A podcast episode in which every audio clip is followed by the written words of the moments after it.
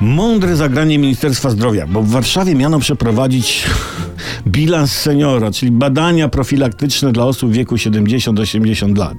Żeby wiedzieli seniorzy na czym stoją i na co mogą leżeć i temu leżeniu zapobiec jak najdłużej. No i w głowach się poprzewracało, we łbach. Na szczęście program badań profilaktycznych nie uzyskał akceptacji Ministerstwa Zdrowia i podległej resortowi Agencji Oceny Technologii Medycznych i Taryfikacji. Jedna sprawa poważna. Agencja słusznie zwróciła uwagę na zły dobór, jak to pieszczotliwie określono, populacji docelowej. Co więcej, do grupy, która miałaby zostać w ramach programu przebadana, bezczelnie włączono również populację bezobjawową bezobjawową, czyli tych, co na nic nie narzekają. To za bezczelność. A, a to może, według agencji, skutkować, tutaj cytat, nadwykrywalnością nadwykrywalnością poszczególnych jednostek chorobowych.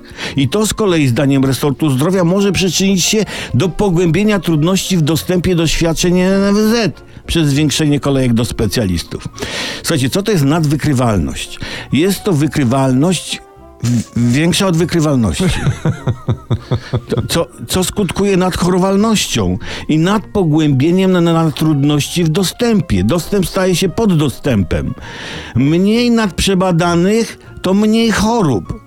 Seniorzy niech se sami radzą. Pani Anielu, co jest gardło boli? Dam pani tabletki. Mnie pomogło na wątrobę, to na gardło nie położę. Wątroba trudniejsza do leczenia. A lek jest lek. Lek jest lek. Szczęśliwie więc, jak słyszycie, nastąpiło poskromienie nadrozbuchania. Szpitale zadłużone, a tym się profilaktyki zachciewa. Bilansu seniora. A poszli my, mi tu. Poszli.